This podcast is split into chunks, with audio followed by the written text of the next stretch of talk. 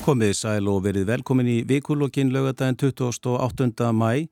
Jörð skelfur á Reykjaneskaga en það hefur líka verið titringur á stjórnarheimilinu þar sem einn ráð þeirra sagaði annan um að fara beinleins með ránkvæslur. Nú meirluta viðraður í Reykjavík hófust formlega í vikunni og ekki likur fyrir hvort þær viðraður beri árangur. Til þess að ræða þessi mál og önnur eru komin þau Árni Helgásson lögmaður, Karen Kjartansdóttir Almanatengill og Magnús Nordal lögmaður og verðandi borgarfulltrúi Pírata. Verið velkomin. Takk fyrir. Takk, takk. Magnús, mér langar að byrja á þér. Þú ert uh, lögfæraðingur nokkur úr þessum hópi sem á vísa og landi. Hver er staða núna hjá þínum skjólstæðingum? Já, staðan er að mestuleiti óbreytt. Þessar brottvísanir standa ennþá til. Það hefur ekki komið til breyting. Eh, reyndar er það svo að, að, að eh, fólki hefur orðið tíðrættir um batnafjölskyldur og, og slíkt að, að þau börn sem hafa nátt tímamörkum í kerfinu sem eru tíu mánuðir að þau hafa fengið efnismeðferði í, í sínum málum e, og þá hafa upplýsingar varandi þennan hóp verið svolítið misvísandi. Fyrst áttu þarna að vera tíu batnafjölskyldur síðan þrjár og síðan engin. Þannig að það eru vissulega misvísandi upplýsingar sem að þarna koma frá dónsmálar á þeirra en ég held að grundvallar atriðið uh, hvað þetta varðar í heilsinni er það hvers konar stefnu viljum við reka í útlendingamálum. Viljum við vísa fólki til Greiklands þar sem að staðan er svo að flótta fólk er uh, upp til hópa á götunni, hefur ekki aðgangað uh, fullnægandi heilbriðistjónustu og allir lýsa það sem er sama hætti. Allir hælisleitundur sem hafa komið frá Greiklandi hinga til lands hafa lýst það sem er sama hætti. E, skýslur alþjóðlega stopnana staðfesta þetta. Þannig að ég held að þetta sé stóra spurningin. E, en þessi mál hafaðu þetta sofið síðastliðin tvö ár vegna COVID. Það hefur ekki verið e, brottvísanir framkvæmdar á þessum, þessum tíma og við erum einhvern veginn komin aftur á þann stað sem við vorum e, fyrir COVID. Og þá auðvitað kemur í ljós þessi mikli munur sem er á milli manna hvers konar stefnu þeir vilja reka í, í útlendingamálum. Þannig að ég held að þetta séu svona stóri línunar. Þar fyrir utan hefur uh, Jón Gunnarsson dómsmálar á þeirra stíðið fram og, og haldið fram ímsu sem er beinlinis rámt. Uh, hann hefur meðal annars sagt uh, að þessi hópur hafi tafið málsinn, þessi hópur hafi neita því að fara í COVID-próf og, og sé hér algjörlega á eigin fósendum. Þetta er einfallega rámt. Ég er að vinna fyrir aðila sem að tilhera þessum hópi sem hafa ekki tafið málsinn með nokkrum hætti, ekki einu svona verið sagaður um það. Nú sá afmarkaði hópur þarna undir sem að hefur verið sagaður um það að tefja málsinn. Uh, ég tel að það er ásakarið síður rángar og við erum að láta reyna á það fyrir dómi. Það mál verður flutt núna 13. september næstkomandi og við erum þá að fá nýðustuðu mánaðamótin september og oktober. Þannig að þetta er raungfulliring. Önnur raungfulliring hjá dómsmálar á þeirra er svo að hann hefur haldið því fram að það sé skilda að senda allan þennan hóp úr landi og sinja honum um efnismeðferð. Þetta er líka rámt. Laugin hveða sérstaklega á um heimild en ekki skildu til þess að vísa. Þannig að þetta er pólitísk ákverðun. Við getum farið eftir núgildandi lögum og sendt hópin úr landi. Við getum farið eftir núgildandi lögum og leift þessum hópið að vera. En ef að nýju útlendingalögin hefðu nú farið í gegn og væri farin í gegn, þá hins vegar yrði að senda allan þennan hóp úr landi. Og það er kannski annað atriði sem við ættum að ræða hér, útlendingalögin. En ráð þeirra hefur bent á og þú tókst, myndist á það líka hérna, með COVID eh, margir sem er í þessum hópi hefðu vissulega já, verið sendir úr landi ef ekki hefði verið fyrir COVID núna eru við þessar takmarkanir sem voru í gangi varandi ferðalög fólks á milli landa eh, þær eru hornar mm -hmm. er þetta ekki rauk sem að, eh, já skiljanlega rauk? Já, dósmálar á þeirra? Já Já, þau eru bara ekki rétt. Hann, hann setur allan þennan hóp undir sama hatt og þessir aðalar hafa allir tafið mál sín og það er ekki rétt fullirinn. Auðvitað hafa hér síðustu tvö árum verið ferðartakmarkanir sem hafa leitt í þess að brottvísanir hafi ekki verið framkvæmdar. En svo er spurning hvort að einstakir aðilar innan hópsins hafi tafið sín mál og það er einfallega verið að láta reyna á það fyrir dómi varðandi þann afmarkað hóp sem hefur verið sagaður um slíkt. Það hefur ekki verið til lykt að leitt. Árni, þú varst formadur þingmannarnemndar um álefni útlendinga og innflytjenda og starfaður um árabil í kærunemnd útlendingamála þannig að þú þekkir þennan málaflokk ágætlega. Því hefur verið kastað fram í umræðinni að útlendingalögin hér á Íslandi séu með þeim ströngustu í Evrópu stennst þetta skoðuna þínum mati?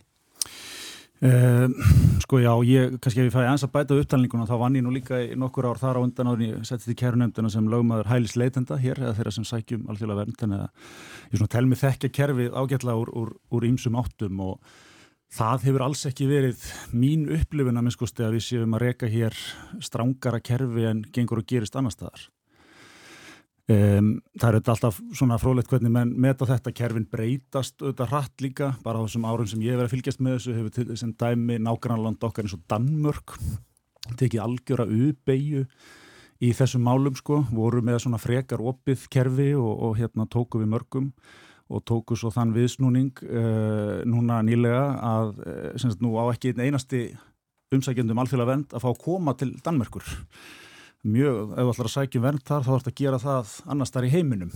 Já, gerður ekki sam, samning við Rwanda eins og breytar gerður líka? Það, það er eitthvað slíkt já og einhverju svona útpostar hér og þar í heiminum sko, þannig að hérna þannig að svona ég held nú í það heila á ég hef verið að fylgjast með þessum málum svona að segja kannski 10-12 ár, kerfið hérna hefur þetta og umfang þessa mála hefur þetta aukist alveg gríðarlega sko, ég held að sé bara mjög hóflegt að segja að þetta hafi tífaldast sko fjöldu umsokna kostnaður við það, það sem þetta kostar á fjárlögum og er sett í hennar málaflokk og svona framvegis. Og mín upplifun svona ef maður horfir á þetta heilt yfir er að við séum að, að reyna að gera mjög vel í þessum málaflokki og, og hérna höfum svona verið að stíga skref, það eru frekar nýleg lög í þessu sem voru sett árið 2016 með aðkomu sjálf sér allra stjórnmálaflokka. Samt sem áður þetta er umræðan, hún er svona einkennilegur málaflokkar að þýleitinu til að Það er ekki mikið rætt um lagabreitingar á þessu sviði en svo kom upp þessi einstökum mál sem að vekja svo miklar tilfinningar því að við auðvitað viljum, það er mjög auðvelt að setja sér í spór þess að, þeirra sem lendir í þessum aðstæðum og er í þessum aðstæðum. Og, og, hérna, og málinn rata gætnan í fjölmila og það eru svona oft kröfur um að, að það komi til eftir á breytingar, annað reglum eða málum. Og þetta hefur verið enginandi með hana málaflokk held ég, held ég mjög lengi.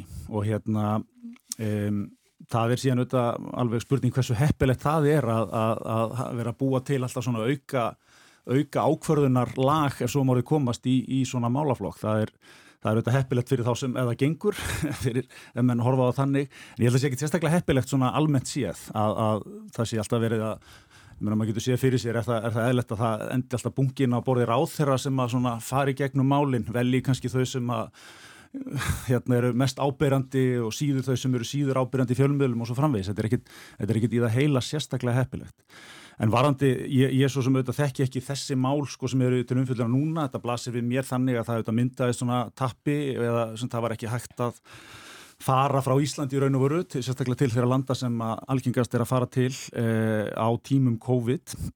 Og hérna það er verið að vinna úr því og kerfið okkar þetta gengur út á það hvert mál er skoðað mjög nákvæmlega bæði efnislega þegar þú kemur og sækjur um vernd líka þegar að vera að taka ákvörðum hvort að ég senda þig tilbaka hvort sem það er til heimalands eða þá Gríklands, Ítalíu sem eru svona stór lönd í Evrópu í, í þessu kerfi því að það eru mjög margir þar. E, það er skoðað út frá heilsufari, félagslegum aðstæðum og svo framvegis það eru alls konar öryggisventlar í lögunum, þetta er svo kallega non-refoulement regla, og ég ætla að fara að gera þetta á tæknilegt hérna, en, en hún segir okkur að við eigum ekki að senda neitt tilbaka í aðstæðar sem að við komum til að geta verið í hættu stattur og, og sama er um, um brottvísanir, þú veit ekki að brottvís einhverjum ef, ef brottvísunin og ferðarlægi geti stend lífi við komum til í voða. Þannig að ég alltaf ná að lefa mér að vona það að við séum bara að fara grúndíkt yfir, yfir þennan hópallan og, og, og greina þetta. Og það eru sannlega sko, það eru sannlega svona tæki og tól í lögunum til þess að, gera það. En langar kannski líka svona að því við erum, við erum að ræða þetta svona aðeins í, í starra samhengi að, að, að hvað þessi mál kom upp og þetta verið eldteitt og, og mjög umtilt En, en samt sakna ég þess líka að sjá sko meiri umræðu um breytingar þá á lögunum. Mm -hmm. bara eins og í haust í kostningunum þetta mál kom alla, bara alla á góma sko. Hérna þegar við vorum að kjósa núna bara fyrir rúmi hálfu ári sko.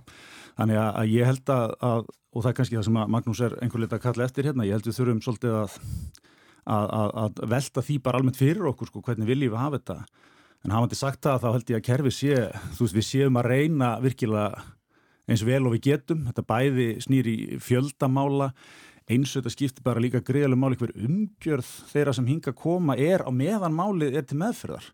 Hvernig þjónustan og hvernig tekið á móti fólki, þetta skiptir auðvitað allt, allt máli. Mín tilfinning hafandi fylgst með þessu í langa tíma er að við séum að reyna að gera þetta mjög vel en, en þetta er stækka mjög hægt að sannlega örglegt að finna alltaf einhver dæmi um að maður ætti gera betur. En, en þetta er svona allavega tilfinningin frá mér. En þetta hefur verið mjög rugglingsleg umræða umræða í alla staði og ekki síst vegna þess að dómsmálaráðra hefur til dæmis verið reyginn tilbaka ítrekað og leiðiréttur af öðrum ráðherrum og lögfræðingum og bara víðar.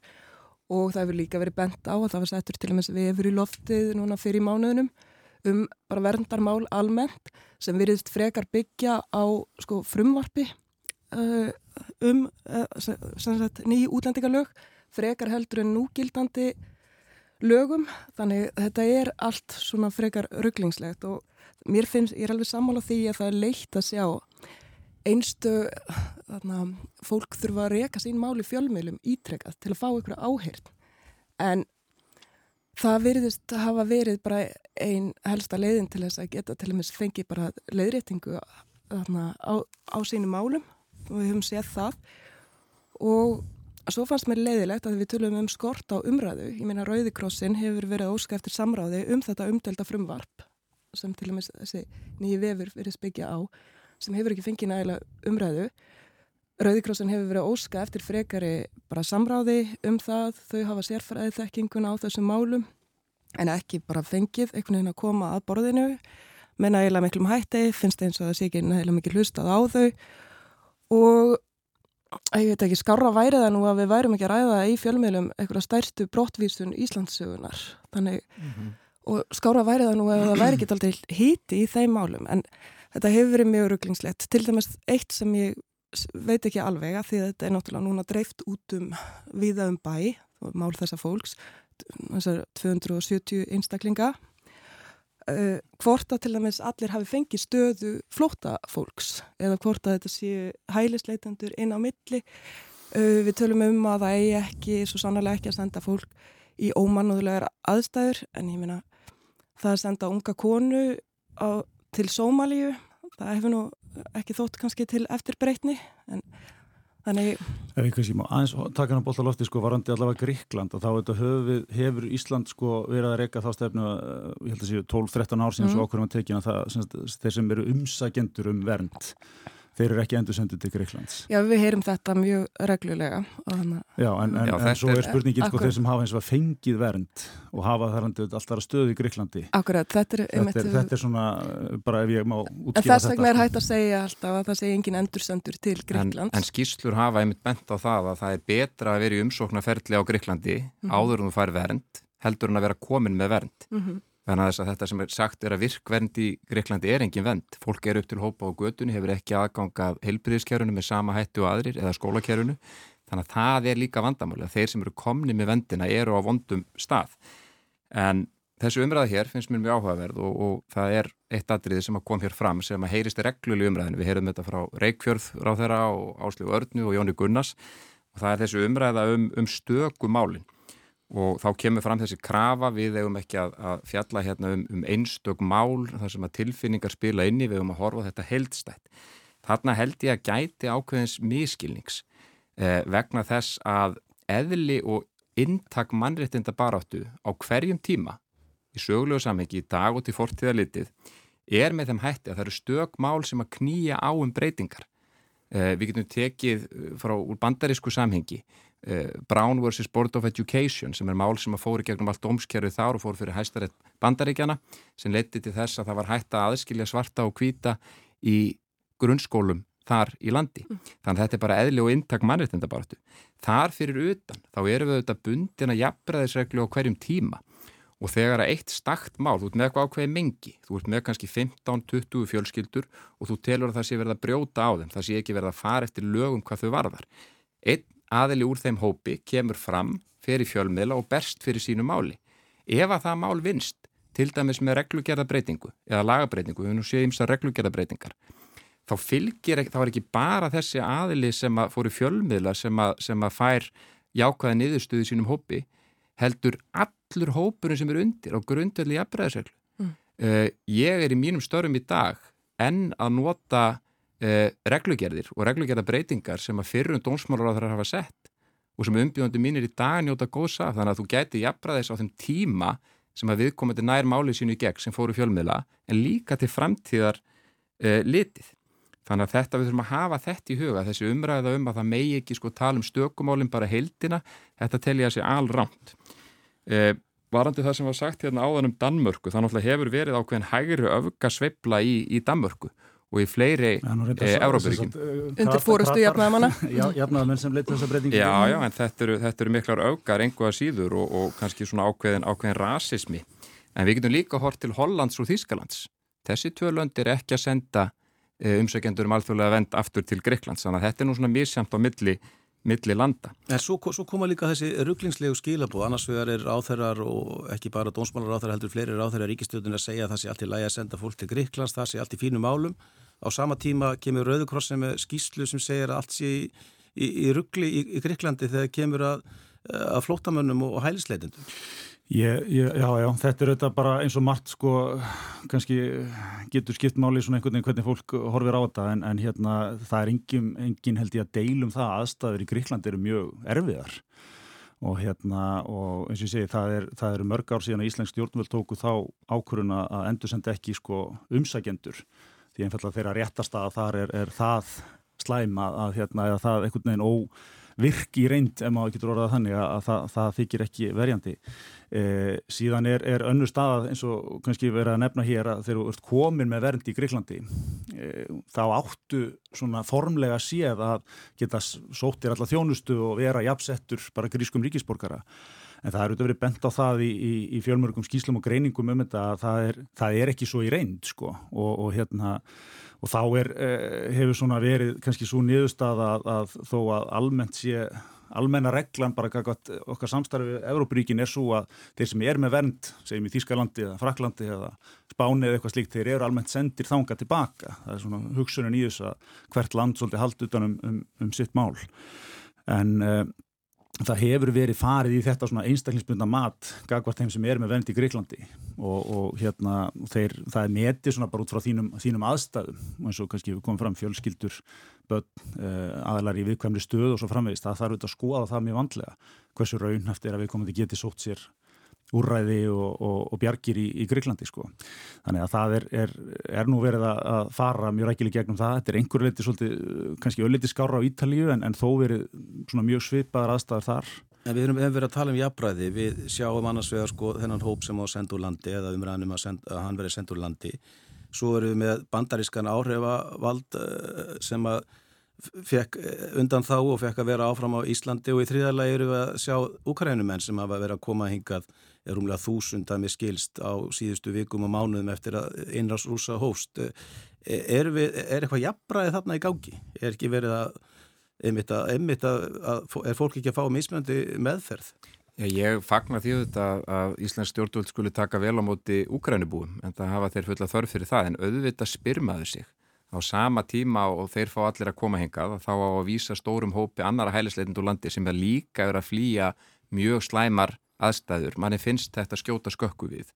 Og þegar við getum tekið á móti þetta mörgum úkrænubúum á þetta stuttum tíma og þessi 200 sem þarna stendur eftir, það ætti nú ekki að vera mikið mál en það eru þetta upp til hópa eh, mest allt aðila sem að vilja hér vinna. Margir þeim hópi sem ég er að vinna fyrir er, er, eru konum með vilirði um vinnu. Þannig að þetta er ekki spurning um kostna samfélagsins heldur bara að leifa þessum aðilum að, að leggja til samfélagsins Já, já, og aðilar að, þetta geta farið þá leið því að þú myndist nú að mál bandaríska áhrifvaldsins þá var ég nú lögmaður hennar.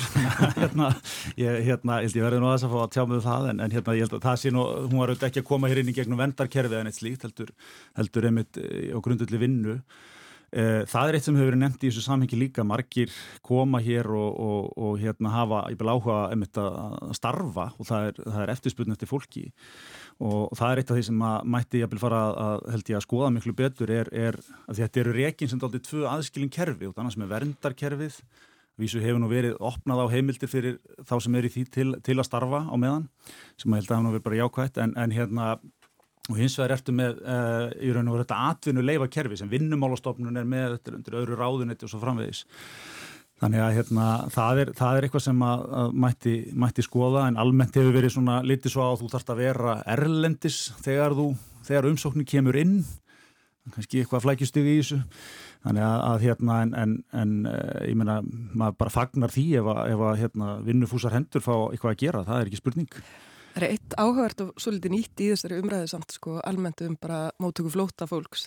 Það er þessi beintenging við bara atvinnu ástand, hvort það sé þörf fyrir vinnandi hendur eða ekki en svona og það þykir svona fólk er að reyna að forðast aðeins mannúðar umræðuna í þessu samhengi. Ég, ég, þannig að nú er ekki að segja hitt sé eitthvað alls slæmt en þetta er svona nýtt að þetta sé svona sterkur þráður í umræðu mótöku flóta fólks þannig Já, en er þetta ekki kannski ekki líka svolítið spurningin sko, þú veist, fólk kemur hérna og sækjur um vernd og, og þeirra, þú veist, allavega það sem ég hef séð að minni þessu hvert mál er skoðað mjög gömkjæfilega og það, getur það bara verið stundum niðurstaðan að, að það þykir ekki til um til að veita já. og það er eitthvað sem við verðum líka að geta hort, hort á en, en í vissum tilvíkum er fólk búið að mynda einhverja tengingar og, og sér sig einfallega frekar í því að, að hérna, starfa hérna á landi. Mm -hmm. en ég held að það, þetta þurfi ekki verið eitthvað andstæður eða Nei, nei, þetta líti ekki þannig en þetta er svona, mannúð, sko. ég er ekki að segja að þú hefur verið að gera það nei, nei, ég, en ég er bara að segja að þetta er nýr þráður sem hef, hefur ekki byrst svona stert áður En, þá er, er þetta líka oft í því samhengi að það koma fram ákveðna rattir sem að segja sko það sé svo mikil kostnæður fyrir Íslenska ríkið. Mm -hmm. þá er þetta rauninni bara gaggur við því þess og mannréttinda sjónamiðinu auðvitað séu undirlikjandi en, en hvernig höfum við Íslandika verið að standa okkur uh, hvað varðar móttöku flótamanna og, og hælisleitenda meða við önnur lönd? Maður eru alveg heyrt tölur svona að, að við séum bara á pari við þessi nákvæmna ríki uh, getum við tekið endalust við flótamannum og hælisleitendum? Svo við byrjaðum því að Magnús. Sko, tekið endalust við, ég held að svara við því sé nei, en við getum sannarlega tekið við fleirum og ég held að þetta sé snúisvöldið um það hvernig nálgust við þessa hluti. Er það vandamál að hingað vilji koma fólk og setja stað og vinna og leggja til samfélagsins eða er það eitthvað sem við lítum jákvæðum augum? Og þarna held ég að fólk bara skipstist svolítið í, í hérna, ólíka hópa hvað þetta varðar. Ég álít það ekki vandamál, ég myndi vilja sjá fleiri aðil að koma hingað. En kerfið þarf auðvitað íta undir ákveðna sjálfsbjörgar viðletni og ég vil nefna það hér að, að ef að þú fær dvalarleif á grundvelli mannúðasjónamiða þá fylgir því ekki sjálfkrafa atvinnuleifi í dag. Þannig að aðlið sem að fær slíkt dvalarleifi, hann neyðist þess að hafa samband í sveitafélagi þar sem hann býr og byggjum bætur. Aðlið sem að vill vinna. E, þetta er dæmum það sem að þarf að, þarf að breyta í okkar, okkar kerfi. En varðandi uh, það sem kom fram hér áðan, varðandi uh, Gríkland, þá vil ég líka benda á það að stór hluti þess flottamannaströms sem að kemur til Evrópu fer gegnum Gríkland og við Íslandingar og aðrar Evrópithjóður getum ekki lagt þær byrðar á Gríki að þeir axli ábyrðan á þessu einir, þeir ráða einfall ekki við það. Það liggur fyrir, þannig að ég held að Ísland og önnru Evrópuríki verði að gera betur í að dreifa betur þessum ströymi sem að þar fer í, fer í gegn ég held að flesti séu nú sammála um, um það. Við sáum í vikunni Karin að þegar Guðmundur Ingi Guðbrandsson félagsmálar á þeirra mætti viðtali í beitni útsendingu hér á Rúf til að andmæla orðum mm -hmm. dómsmálar á þeirra um að samstæði væri um þetta mál innan ríkistjóðarinnar.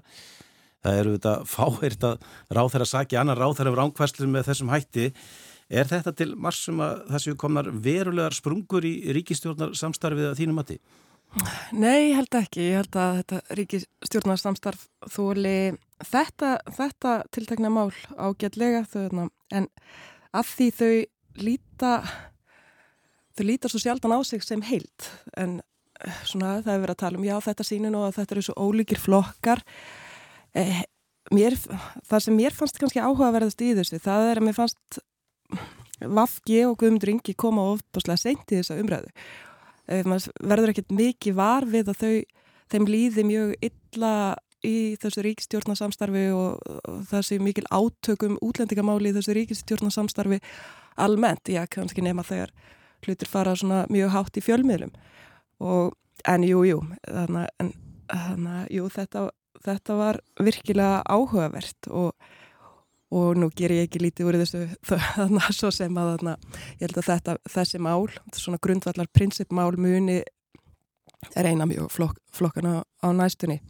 Að því, ég minna þetta er ekkert að fara, það er bara aldrei hefur jægt mikið af fólki verið að flóta í heiminum, þetta verður áfram rætt, en ég vil kannski, sem ég myndi vilja sjá, væri kannski opnari og hávarir umræða ávafki um þessi mál, að því maður skildi að þetta væri eitt af þeirra prinsip málum. Já, já, og, og kannski hefur Guðmundur einhverju leiti verið að tala til grásrótarinnar eins og stundum er sagt með þessum umælum sínum hérna á, á rúf. Já, já, en við kannski töpum þræðinum taldið í ofenbyrju umræðinu taldið fljótt og öruglega því allt í hennu fólk sem stýgur inn í umræðina til dæmis Davíð Þór, uh, prestur og notar orðið helviti það er sérstakann stað í helviti og allt í hennu fyrir umræðan taldið að snúast um tilfinningarlíf einstaka fólks í vafki en ekki um málefnið sjálft og málefnið flóta fólks. Þannig, já, en ég held að við náum aftur balans í þessu og kannski getum fyrir að tala efnislega um þetta. Erstu sammála þessu mati? Já, sko, ég, ég held að mér fannst svolítið áhugavert að við má taka einn ein vinkilíti viðbót sem er að uh, vinstri grænum gekk ekki vel í bor borgarstofnarkostningunum og ég á nú einhverja vinni þarna eða amskusti Facebook vinni og ekki og sá einhverja umræðu um það að þegar það fóru að leita skýringa var að þau höfðu orðið full mikil heilt meðlutin í borginni. Það, það var ekki mikill áherslu munur á flokkonum út af við. Ég veit ekki hvort að það er síðan, hafi, það minnisblad hafi farið síðan upp í, upp í hérna, þingflokkin eða hvaða er en, en ég held að við munum alveg sjá uh, eitthvað af svona málum í hvað, byrjum frá í hvaða málaflokkun það er, það er svona smá átökum á stjórnarheimilinu. Ég held að flokkarnir séu, og nú erum maður svona kannski að taka bara svona pólitíska leikgreiningu á þetta, ég held að flokkarnir séu alltaf átt að sé betur og betur og því að það, það er ekkit endilega slæmt, er ekkit endilega slæmt af afki skeri sæðans úr kakvart flokkunum í þessum málaflokki og svo kannski gerir sjálfstæðisflokkunum að einhverjum öðrum málaflokki og svo framvegis. Mm -hmm. eh, síðasta kjörtningabili var náttúrulega svo sérstakt að þessu leita við vorum, það var svo undir orpið þessu COVID ástandi, það sem að þú, þú máttir ekki tala svona þar og bústlega svona sameiningar svona einhvern veginn eh, andi yfir öllu og hérna svona samstöðu andi ég held að ár, eða þú veist þetta kjörtímanbíl áttur að vera öðruvísi, ég held að við munum sjá bara alveg þess vegna alveg talsvert af þessu. En það sem að meðum samt ekki gleyma er að e, ríkistjóðinu þetta var, fekk endur nýjað umbóð síðustu, síðustu kostningar og ég held að fólk hafi e, þessi ríkistjóðna má segja margt um hana sko en ég held að það sem að svona er þráðunum sem einhvern veginn gengur í gegn er að fólk hefur, fólki hefur búið gæfu þar innan hús til þess að leysa mál eða finna svona, miskust, eitthvað tarflega mál. Og, og ég held að það hafi svona öðrum þræði verið svolítið það sem að fólk kaus kann að meta á endanum. Ég fæ bara að skjóta örstut inn í en mér finnst þetta frábær greining með leikgreininguna. Hver tekur hvaða bolta hverju sinni? Hver tekur bad cup, good cup hverju sinni? Þannig það einfaldar oft máli Já, Ég held að í þessu samiki þá held ég að sé bara ákveðin tilvistar vandi hjá, hjá Vafgi og ég held að Vafgi í borginni hafi í rauninni gal, þurft að gjalda fyrir störf Vafgi á landsvísu frekar en nokkuð annað sko og það er svona, fannst mér ankanalegt að þeir vildi ekki taka þátt í, í meðlutarsamstarfi í, í borginni. Eh, hins vegar er það svo, hvenar er mælirinn fullur? Ég hef sjaldan ef aldrei á mínum ferli eh, séð jafn mikla undiröldu hjá Grasrót Vafgi Eh, net eh, heimar hafa einfallega logað vegna þessa stærsta fjöldabrotti máls Íslands sögunar og það er eflust mikil þrýstingur og kjörna fulltrúa flokksins að, að starfa í samræmi við þau gildi sem að þessi flokkur stóð áður fyrir. Ég held að séu rosalega margir sem á einhverjum tíma kusu vafkið, það hef ég nú gert sjálfur, sem að hafa einhvern veginn upplifað ákveðin, ákveðin svik við málstæðin, við gildin og að þessi flokkur sé, þetta sé rauninni bara reyfingin frambóð en ekki vinstir reyfingin grænt frambóð. Ég held að margir séu mér sammála um það. En hvenar er mælirinn fullur? Uh, Íslandsbanka sölumáli kom upp hérna nýlega, mikið undiralda í samfélaginu og óanæja. Uh, nú horfum við á þessar fjölda brottisanir. Uh, það verður tekist á um, um nýja frumarbill útlýtningarlaga núna fyrir þinglokk. Hvenar er mælirinn fullur? Og ég held í þessu út af því að hér var minnst á borgarmálun, ég held að, að sá meirluti sem er að verða til þar geti mögulega orðið vísirinn að, að, að samstarfi sömu flokka á landsvísu eftir næstu alþingiskosningar. Þú minnist, það vel? Þú minnist á Íslandsbankamálið, Lilja Alfres stegi vissvelega fram þar og, og saðist að hafa gert aðtúarsemdir við það ferli í ráþæra nefndinni. E, Svo bókun fannst reyndar ekki en, en, hérna, en orð ráþæra standa vissvelega ennþá.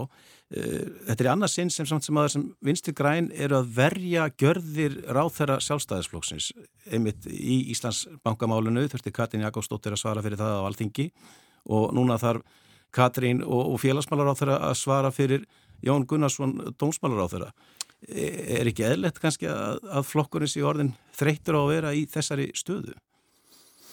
Jú, jú, ég meina sko, þetta er náttúrulega eru mál í grunninn bæði sem eru á, á borði ríkistjórnarinnar. Íslandsbankasalan er samþýtt í ríkistjórn og, og, og tekin áfram þaðan.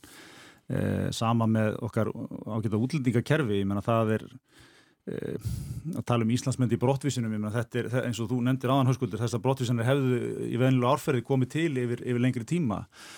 Þannig að hérna Já, já, hvað af þessu er, ég get alveg tekjum, eflust er, er undir alltaf í Vafki, það er í, eflust í öllum flokkum sko. Ég, ég hef einhvern veginn ekki á tilfinninguna að þetta, þetta munni, munni hérna slíta ríkistjónana. Nei, en það er greinilegt að fólki innan Vafki er orðið mjög hörundsátt og sárt og það leifa mér að segja að ég vona að vinið minnir í Vafki verði ekki mjög reyðir við mig, Þarna, en það er komin svona smá böngjar syndrom í umræðina. Þannig að kvenka sér alveg rosalega sárlega og ég ger ekki lítið úr því, sko, það er sjálfstætt vandamál hversu harkalegu umræðan getur oft verið við um stjórnmálafólk og, og manni ofbýður oft og, og við þurfum að gæta orða okkar. En að til dæmis að kalla það að einhver prestur út í bæ og einhver kall að segja að þessi sérstakur staður í helvíti, ég veit að þetta vegur þingra út af hans ennbætti, að sko bara starfsmenn flokksins og bara hefur ymsa fólk verði svona ofposla sárt og það geta svona mikið næri sér og tali um haturs orðræðu. Það finnst mér orðið svo rugglingslegt og þá ger ég ekki lítið úr vandamálinu að það á ekki að vera að tala illa um fólk stöðut á internetinu eða, hana, eða stjórnmálufólk. En það er bara vel skilgreint og þetta er svo innilega ekki haturs orðræða. Og af hverju kjósa þau að nota þetta orðalag, af hverju veist, af hverju taka þetta upp eftir hverju öðru? Þannig að ég, ég, Já, ég er ekki alveg sammálaðið, mér fannst sko Mér fannst að þetta er vantilega aðstofum að þeirra ekki sem stegi fram Anna, já, Anna Lísa. Frangatistöru Þingflokks og svo Mér fannst ágætt að opna þess á þessu umræðu. Þingflokksformaðurinn. Já, það er allt í lagi að opna umræðina Ekki endur út frá Davíð Þór, skilur en maður bara fer inn á, ferðin á Twitter og ferðin á Facebook ég menna Mér finnst ekki vanþörf á því en að taka sér þetta plás Ég ger ekki lítið úr því. Og Anna Lísa sem sagt sem til dæmis opnar á þetta á Twitter, frangatistjóri Þingflokksins mm. en líka Orri Pál Þingflokksformaði Vafki, hann talar um þetta líka. Það taka sér þess að stöðu þau í þessu, þessari umræðu um málefni flótafólks sem hefur verið að vísa úr landi. Það fannst mér þetta aldrei kannski óvið eigandi Sko, að þetta fari að snúast alveg um það hvernig þér líður hverju sinni Já, já, það er örgulega aldrei hefðilega tímapunktur því þú getur alltaf vísað í eitthvað mál sem er í gangi sem að þú ættir að vera að tala um frekar sko, en, en ég, ég held bara almennt síðan En veist, það er misa umræðina að... alveg þarna í tilfinningarlíf einstakar fólk sem verist hafa það samt alveg ágætt en við skulum alveg, en ég ger ekkit lítið úr þessu Ég, ég tek undir þetta, þetta er auðvitað ákveðin gengisfelling bara hugtagsins haturs orðræða, hvað er haturs orðræða mm -hmm. og þarna er Davíð Þóra að nota eh, sko, there's a special place in heaven for those who, eða in hell for those who og svo kemur það hvað við komum þetta hefur gert, þannig að þetta er ég held að þetta hafa nú verið íkt uppur öllu valdi. Á sama tíma erum við að sjá raunverulega hattusorðræðu uh, til dæmis í tengslum við, við uh, varaþinkonu Pírata, Lenju Rún sem hefur þurft að þóla gríðanlega rasisma uh, á netinu. Nú ég sjálfur í mínu störfum sem lögumar, ég veit ekki sko, það sem ég hef lesið um sjálfa mig frá, frá sumum hópum þegar ég er að geta hagsmun á heilisleitinda þannig að mér finnst þetta nú ansið vakt með það sem gengur og gerist hafandi sagt það, þá er ég fyllilega sammála átna og ykkur um það að, að auðvitað þarf fólk að gæta orða sinna á netinu. Það er mjög auðvelt að vera ókursteistur og þarf ekki að horfa framann í manneskjuna og þetta er eitthvað sem við þurfum öll að taka til okkar, að reyna við það að betri orðræðu. En við mögum ekki gengisfella hugtök eins og hatusorðræða. Já, þessu, þessu sögðu, það hefði bara verið ágætt ef þessu umælu hefði ekki fallið og hjá hannum Davíð Þóra því það mistu við fókusin á umræðinni þannig þetta sýnir enn og aftur hvað, bara, hvað það getur verið gaglegt að geta orða sinna og vera hófstilt. Ég held að, ég held að ég sé með þetta hérna fyrir fram að mig, hann sagði að þingmenn og ráð þeirra vinstri græna séu seg eins og syndin mm. og að það sé sérstakur staður í helviti fyrir fólk sem selur sál sína fyrir völd og vegtillur. Eh, biskup er búin að áminna Davíð fyrir þessi umali það er svolítið sérstætt að þjóðkirkjan sé komin inn í þetta mál. Já, já, þjóðkirkjan er að gera sér gildandi líka meðan stók uh, var, með, var með svona stend í þessum málefnum uh, flótamanna hér líka.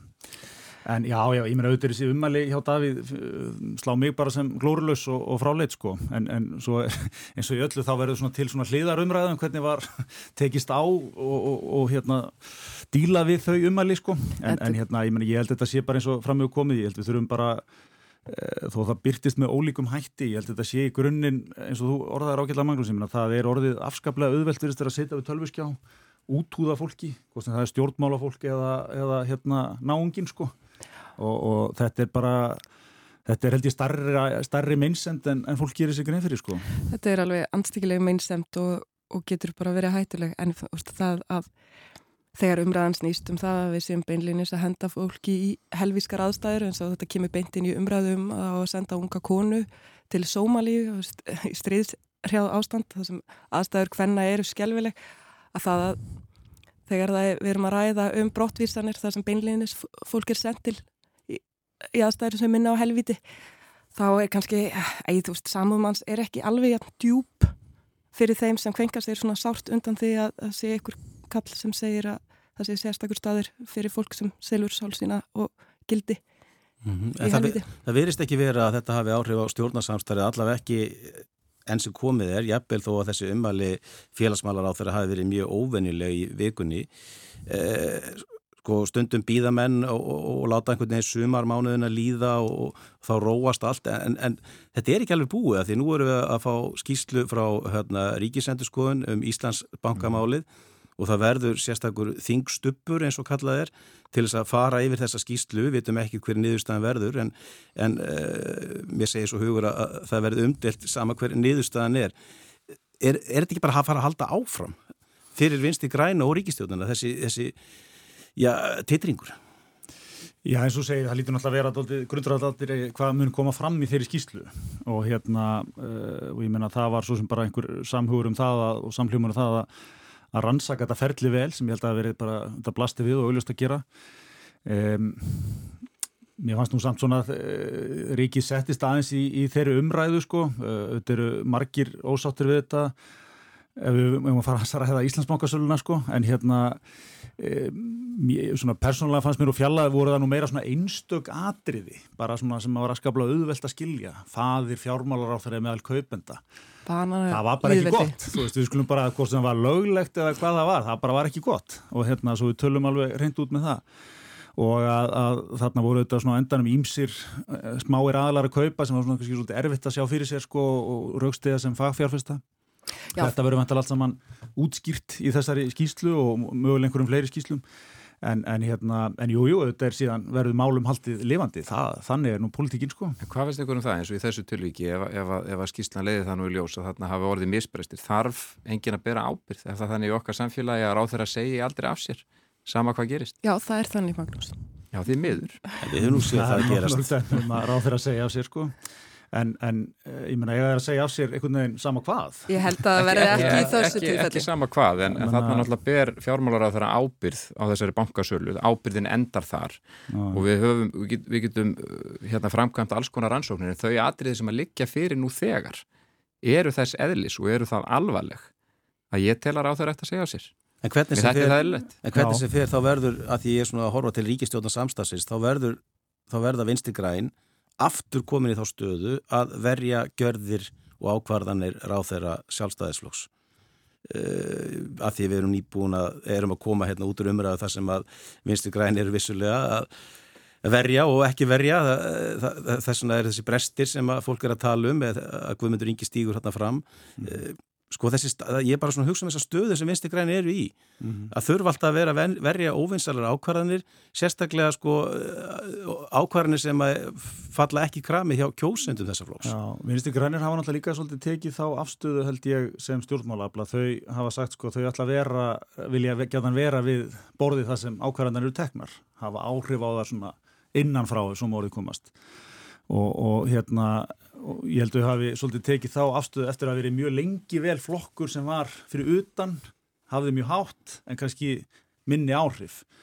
Og hérna og ég held að, að sko, þetta er bara mitt, mín tilfinning og mitt, mín upplifun ásöðum, ég, ég finnst uh, ríkistjórnin funkar alveg í þessu sko að það, það tekist á og það komið þarna aður ólíkum áttum og hérna og, og ég meina svo veit maður ekkit hvað framtíðin byrja skautis það er ekkit vel verið að, tabli snúist við og það verður einhver fann að verja gjörðir hérna ráð þeirra minnstir græna fljótlega, ég meina annaðins gerðist nú á síðasta kjörtímanbili, það var hérna heilbyrðisar á þeirra þáerendi fekk dóma á sig og, og svo framvegis og alls konar erfið mál sem uppkomu ég meina það er svona svolítið eðli þess að vera í ríkistjórn að, að hérna flokkarnir svolítið standa saman Ég held eins og að það sem við erum um að tala um hérna áðan að, að þú stendur kannski ekki saman þú veist, sem einn maður og segir aldrei orð. Þú, það, það er alltaf orðið meiri kraf í dag að þú vilt bara orða svolítið það sem er í gangi. Eh, þú vilt að ágreiningurinn sé hann, hann á ekki endilega að vera, það er svona gamli skólin í þessu, hann, hann var einhvern veginn bara kláraður inn á herbyggisins svo kom allir út sem einn maður sko. ég held að við séum að fara að sjá eh, hérna alveg örgla meira þessu sko Já, hafið þið trúið því sem sé að ríkistöðin siti sem fastast og muni lifa uh, út þetta kjörtímabil? Ég miða við það sem hún hefur lifað af nú þegar. Þá myndum maður nú halda að hún þólega hansi margt en, en einhver tíman hlýtur mælirinn að, að vera fullur. Og í þessu samingi þá kannski rétt að minnast aftur á útlningalögin sem núna eru til uh, meðferðar í, í, í þinginu. Að Katrín Jakobsdóttir hefur kallað eftir uh, heildstæðir í stefnumótun í málafloknum og það sko, við hefum ekki verið að ræða þessi stöku mál alltaf, heldur við að taka heildina. Nú þarna liggur fyrir frumvarp sem að ráð þeirra sem með henni í ríkisjóðin er að leggja fram, sem er að búa til miklu, miklu verra umhverfi fyrir hælisleitundur sem að hinga að koma. Þetta er heildstæða stefnumótunum sem að þessi ríkistjón eh, stendur fyrir og það eru þetta bagalegt að kalla eftir slíku þegar að slíkt er í gangi og er á þeim nótum sem að raunin er. E, í klári andstöðu við vilja græsrótar vafki, er það vilji græsrótar vafki Eh, að hælisleitendur sem að hér hafa verið og fengið sinnin í sínum málum að þeir séu sviftir allir í þjónustu 30 dögum eftir ákvörðun og séu þannig, séu þannig sendir á, á göttun án húsnaðis og fæðis. Þetta er eitt intak í, í, í lögurum, eftir 30 dagum og sviftaði allir í þjónustu. Eh, er það vilji græsótar vafki að færri fái hér efnismeðferði sínum málum og að við sendum fleiri aðla til Greiklands? Ég spyr. En er einhverja líkur á því að þetta mál fari í gegn? Er þetta ekki... Þetta er náttúrulega frumar sem hefur verið kynnt mjög áþægt þessu sko nokkru sinnum, hefur svo sem ekki, ekki náð uh, langt sko.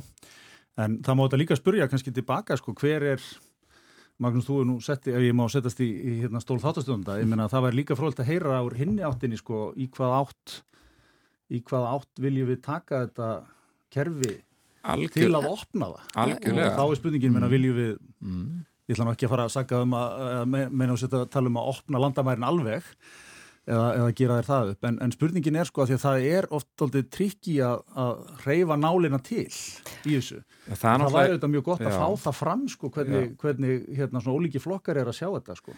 Já, já, og þetta hefur náttúrulega verið hlut af umræðinu alltaf þegar það hefur átt að þoka málum í betri átt og, og bóða breytingar sem að leiða til þess að þessi auðveldar að koma henga, þá eru menn alltaf að tala um að hinga komið þessi stóri ströymur fólks það hefur bara ekki gerst í þau tilvík sem við höfum síðan reglugerðabreitingar góðar að þá hefur það ekki gerst.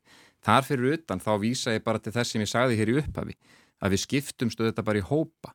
Lítu við á það sem vandamál að hinga komi fleiri aðilar frá ólíkum menningarheimum eða er það jákvæmt? Ég er í þeim hópi sem lítur það jákvæð mögur. Allir sammálu um það að það sé jákvæmt sko en, en það var auðvitað mjög frólikt að heyra svona hver sínin er á Ég verði um þetta að því ég var að koma frá Grænlandi. Ég var að segja ykkur bara svona stutt og sögu.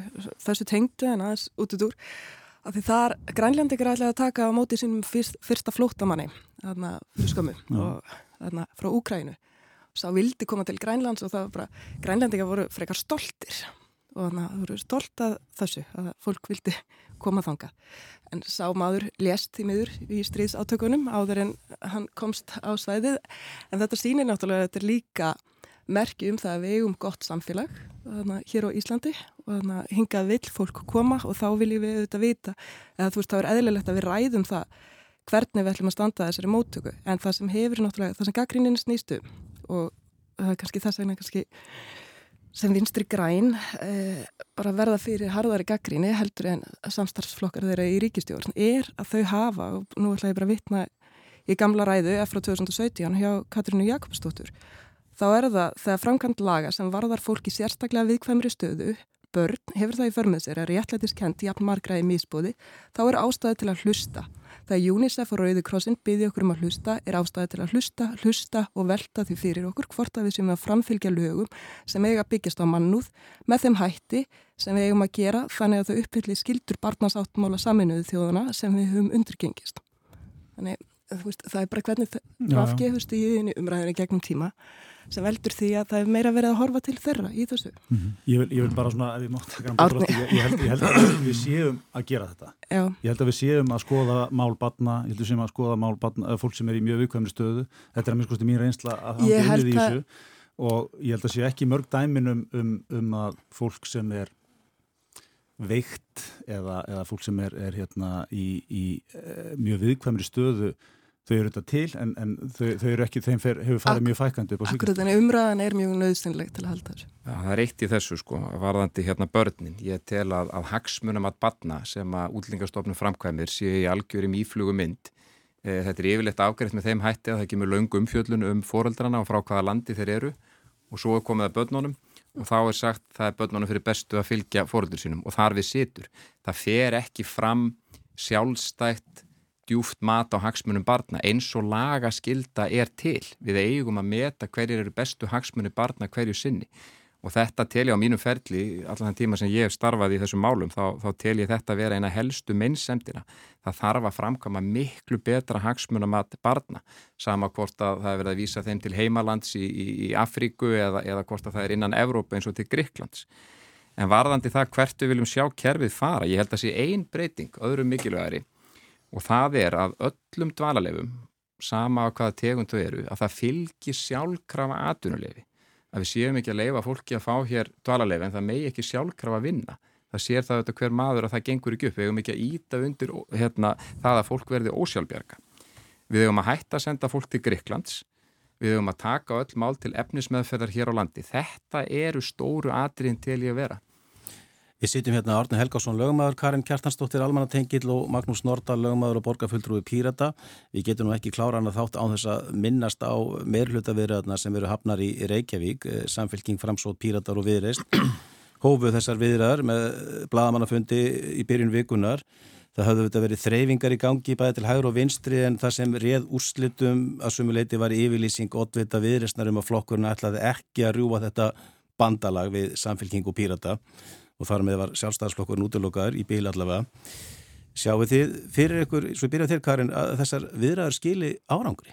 Já, ég held það. Ég held að Einar Þorstinsson sem verist bara fyrstu skref hans í pólitík, þau eru bísna áhugaverð og og sína, eða svona, minnstu sína það þarna er mögulega slingur pólitíkus að byrtast ja, Hann virkaði eitthvað pyrraður þegar hann kom hann í viðtala á sunnudagin eftir að Þórtís Lóa Otviti Viðrisnar gaf út þessa yfirlýsingu.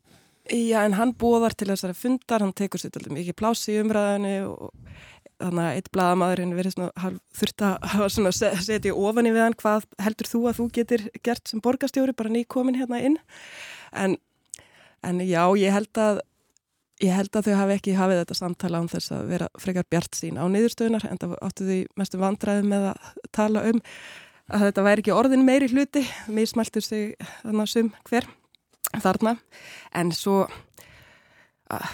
alveg sama sko þannig að hvað ég held að þannig að framsókn hefði alveg verið til í að vera með sjálfstæðisfloknum þarna en ég held að þau ekki bara fundi leið til þess og svo kannski er ástæðan líka svo að, að sjálfstæðisflokkurinn, þessi sex fulltrúar í borginni, eigi ekkit endilega mjög gott með að vinna saman eða það er svo tilfinning sem að, svona margir hafa á þessum flokki. Þannig og þegar þú ert með þannig flokk þá er það ekkert erfitt að hefja samstarf. Uh, Já, viðristnamenn voru gaggrindir fyrir það á síðasta kjörtjambili að hafa farið inn í þann meira hluta sem þá var og haldið honum á lífi. Mm. Framsónaflokkurinn búaði breytingar fyrir þessar kostningar og það var, það var þeirra stærsta slagvorð uh, en, en nú segja svimir hefðið, eru þið ekki bara að halda þessum meirhluta á lífi? Ég, ég hef svona tilfinningur að það verði doldið erfitt fyrir framsvonarflokkin að selja það út af við og gagvað sínu baklandi að það, svona, þeirra stærsta mál í kostningabartunni að, að það þurfti breytingar í borginni og niðurstaðan verður síðan svo að þeir eru einhvern veginn til þess að halda, halda þessum fráfærandi meirluta einhvern veginn að gefa honum annað kjörtímabill Ég held að þetta verði svolítið erfið sala hjá þeim. Og hérna, og mér heldur ekki aðeins gleyma sko, einar, ég er sammála því, hefur komið mjög öflugur inn í þetta og ekkert af honum tekið, en hann er auðvitað nýri þess, á þessu sviði, hann lappar inn í samstarf með DIB sem er náttúrulega búin að vera í ráðhúsinu í meira og minni í 20 ár og kerfið í ráðhúsinu er náttúrulega svona aðdaldið byggt á hans áherslum Þannig að hérna, um, ég, ég held að þetta verði svolítið, svolítið snúin staða sem er að teiknast upp en það auðvitað eftir að valkostunum fækkaði og eftir að viðreysn einhvern veginn hérna, ákvaða binda sig alveg við, við meirulutana þá var, voru þetta ekkit margir aðrir möguleikar í, í stöðunni sko en síðan má kannski aðeins líka velta fyrir sér sko hverjar voru breytingarna sem Fransson bóðaði það var ekkit alltaf opbásla skýrti að þeir voru svona daltið sammála öllum og ósamála engum en þó kannski hjómar eftir því að þeir voru töluðu mikið um það sem var mest konkrétt máli þeirra var, voru húsnæðismál. Það fannst mér þeir taka svolítið þá línu að þeir vilja byggja mikið, me miklu meira og með allt öðrum hætti heldur en kannski meir hlutin hefur verið að gera. Það er að segja þeir vilja, þeir, þeir vildu farin og eins og þetta kallast að hérna, nema nýtt land eða hvað þið kallast sko, að fara allir miklu fyrir í keldnalandið og svona svæði. Það er auðvitað doldið fer gegn þessari hugsun sem að borgarlínan gengur út á, að, að hún er svolítið að ráða uppbyggingunni. Þannig að, að ég verður svolítið frólægt að sjá svona hver, hver útkoman hann verður en, en ég myndi halda framsók þurfi að, að selja sér þetta aldrei dýrt, hvort sem það er í formi stóla eða málefna eða, eða bæði. Við erum með innherja, hérna, Magnús, þú er vantarlega fylgst með þessum viðræðum. Getur þú eitthvað upplýst okkur um stöðu þeirra? Já, mér langar nú bara fyrst kannski að, að kommenta eins og þetta með framsók. Framsókn hefur talað um það að framtíðin ráðast á miðunni og, og þetta sé mikill miðjuflokkur. Og ef þú ert miðjuflokkur þá getur þú náttúrulega ekki alltaf unnið bara til hægri, þú verður að vinna einhver tíma til vinstri. Og ef við höfum í huga líka orðræðuna sem að var hér í gangi hjá framsókn og einað Þorstens í aðdraðanda kostningana hann talaði um það að það ætti ekki lengur að vera þessi leðjuslagur og menn ætti að vinna saman. Þannig að mér finnst að eh, þessi framganga hans núna verið fullu samræmi við það hvernig hann, hvernig hann talaði Eh, nú mönnum við týrætt um þetta bandalag menn hafi einhvern veginn bundið sér saman þessi píratar viðreysn og samfylking en höfum í huga að, að þarna er málefnarlega samstafa með þessum flokkum og það er ástæða þess að þeir vildu vinna saman. Eh, ef þú horfir á, á borgarstjórnarflokk sjálfstæðismann og þá sex aðala sem þar eru, það er ekki málefnarlega samstafa innan þess hóps. Mm. Ég held að allir séu sammála um það. Þannig að sá meiri hluti sem við erum að sjá fæðast held ég að verði, verði góður meiri hluti og muni vinna mikið gagn í þáu borgarbúa og verði líka vísirinn að samstarfið þessara sömu flokka í landstjóninni þegar við kjósum næst til alþingis. En má ég spyrja, ef, höfskuldur, þannig að þið píratar, eru þið ekkert móðguð yfir því að það sé ekki verið að horfa meiru til Dóru Bjartar sem verðandi borgarstjóra? Jú, við viljum að sjálfsögðu að, að, að hún geti tekið þátt í þeirri umræðu og, höfum verið að leggja áherslu á, á það og, og það er því ákvæmlega ánægilegt ef hún fengi að vera borgastjóri í einhvern hluta þess tíma sem að fer í hönd. Það mun kannski einhver leiti snúast um ásýnd þessa meira hluta ef við gefum okkur að, að þessi flokkar nái samkómulagi. Við sjáum hvað er gerst í Hafnafyrði. Þar var, var framsóna menn og sálstæðismenn skipt með sér kjörtíðanbylnu Rósa byrja sem bæjastjóri og svo taka framsóna menn við eftir tvö rétt, eða þrjú ár Eh, gætu við mögulega verið að horfa upp á svipa fyrirkomulega í borginni? Eh, af því að þú, við vorum að tala um einar og áherslu framsámflokksins og kannski erfitt fyrir hann að selja þetta eh, selja grassrótinni þetta samstarf.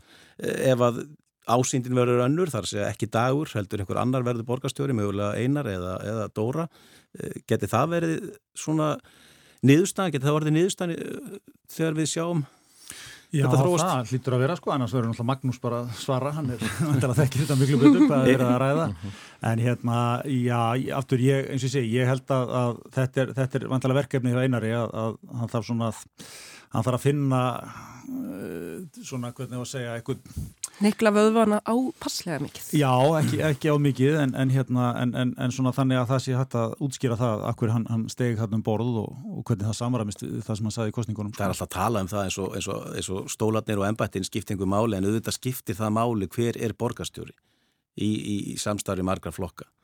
Uh, Magnús, svona eru þið komin á þann stað að þeir eru byrjað að ræða skiptingu ennbætta? Já, ég held almennt bara sem, sem persóna það sé nú málöfnin sem eiga að ráða för og, og þessar viðræði núna eru með þeim hætti að, að það var fyrst að afgreða e, málöfna sáttmála áður en það er farið að ræða, ræða ennbættin. Þannig ég held að það sé nú alltaf grundvallar allir en jújú, auðvitað skiptir það máli hverju borgarstjóri varandi ásendina. En eru þið byrjuð að ræða þessa skiptingu? Núna er verið að ræða málefnin. Þannig að, þannig að eh, þið eru svo sem ekkert byrjuð að gera, leggja fram neina kröfur um uh, hvað ykkur, ykkur varðar um, um embætti og svo leiðis. Umræða um embætti er bara ekki hafinn. Nei, Við erum landa málefnunum fyrst. Þannig að tellið þið sérst að, Karin, til að þú að sé góða líkur á að þetta gangi upp. Er það þitt mat? Já, það er mitt mat að það séu góða líkur. Ég, þarna, eh, ég að, aðalega velti því fyrir mér hvað þarf að gerast til þess að einar fara að ræða við hvað þá flokk fólksins og, og sjálfstæðisflokksins að því að hann er sínist miklu skýrari málefnalegar línur í hinn áttina. Já, hann, hann vantar þá einn aðil í viðbútt. Já, sko. hann, hann já, er ekki meira hlutu þannig og viðreist Já, já. hefur náttúrulega eh, svona, ég, ég veit að það var hinn En þess vegna nefndi ég þau ekki að því þau, þarna, þau stiltu sér fljótlega upp sko með í þessu Já, bandalegi. byrjuði á að stilla sér upp með meira hlutanum, svo kom útspil í hináttina, sæðistur opinn fyrir Já, samstarfi í allar áttir og svo hérna einhvern veginn ekki. Já. Og En svo- ég held nú að viðreist ég svona líka dæmi um flokkið mitt sem kannski lendi í þessu, á þessu kjörtímabili að það var orðið mjög erfitt að sjá áherslumunnin á, segjum viðreist og samfélkingu eða viðreist og meira hlutanum almennt og Þórtís Lóa þetta tók svolítið það hlutverk einhvern veginn vegna mjög stemma á þessu kjörtímabili að, að taka á sig óvinnsal mál, mál sem hún hafði jafnvel, komið til jafnvel áður en að hún var, var kjörin í borgastjórn. Það áttu nú líka við um pírata, við nefnum þessu braggamálið sem bara skall framann í pírutum þegar þeir komuð þannig inn. En, en ég held að það sé nú líka styrkleikamerki að taka erfiðu málinn og, og þóra að ræða þau og tækla. Já, þér fannst það nú ekki á þannig ríkistjóðri. En, en við erum búið með tíman en svona áður en við ljúkum þessum þætti helgin framöndan dagskræðun hjá ykkur Karin, þú varst að koma á Grænlands jökli er ykkur jöklaferð fyrir hug nú um, um helgina? Nei, en ég er í svona, hvað maður að segja, svona ástandi sem minnir helst að ástarsorg. Það vantar eitthvað svo mikið svona innra með mér og mér langar eiginlega bara beinust til eða aftur til Grænlands, skal ég segja þér. En, en ég ætla að reyna að halda mig heima við og, og reyna að vera góð mamma sem ég var náttúrulega augljóslega ekki heilan mánuð. Magnús, erst þú að fara að taka þátt í meirluta verðum núna um helgina? Það eru tveir efstu á hverjum lista sem að setjast niður og, og funda. Þannig að ég ætla að vera helgin í, í fjallgöngur með börnunum mínum. Átni. Já, ég, maður skammast því nú fyrir að vera við hliðin á Karin og fara að tala um einhver, einhver útivist, sko, en hérna, Það, já, einmitt. eftir þetta Grænlands afreg sem ég gegja þér, en hérna, ég er að, sérst, alltaf mér að reyna að fara laugavegin, hlaupa laugavegin í sumar og er í hérna einhverju stífu prógrami, þannig að ég mun náttúrulega þurfa eitthvað að reyfa með um helgina. Magnús Árni Karin, takk hérlega fyrir komuna. Vikulokkin verða á sínum staðan að skomandi lögadag. Við þökkum fyrir okkur. Verðið sæl.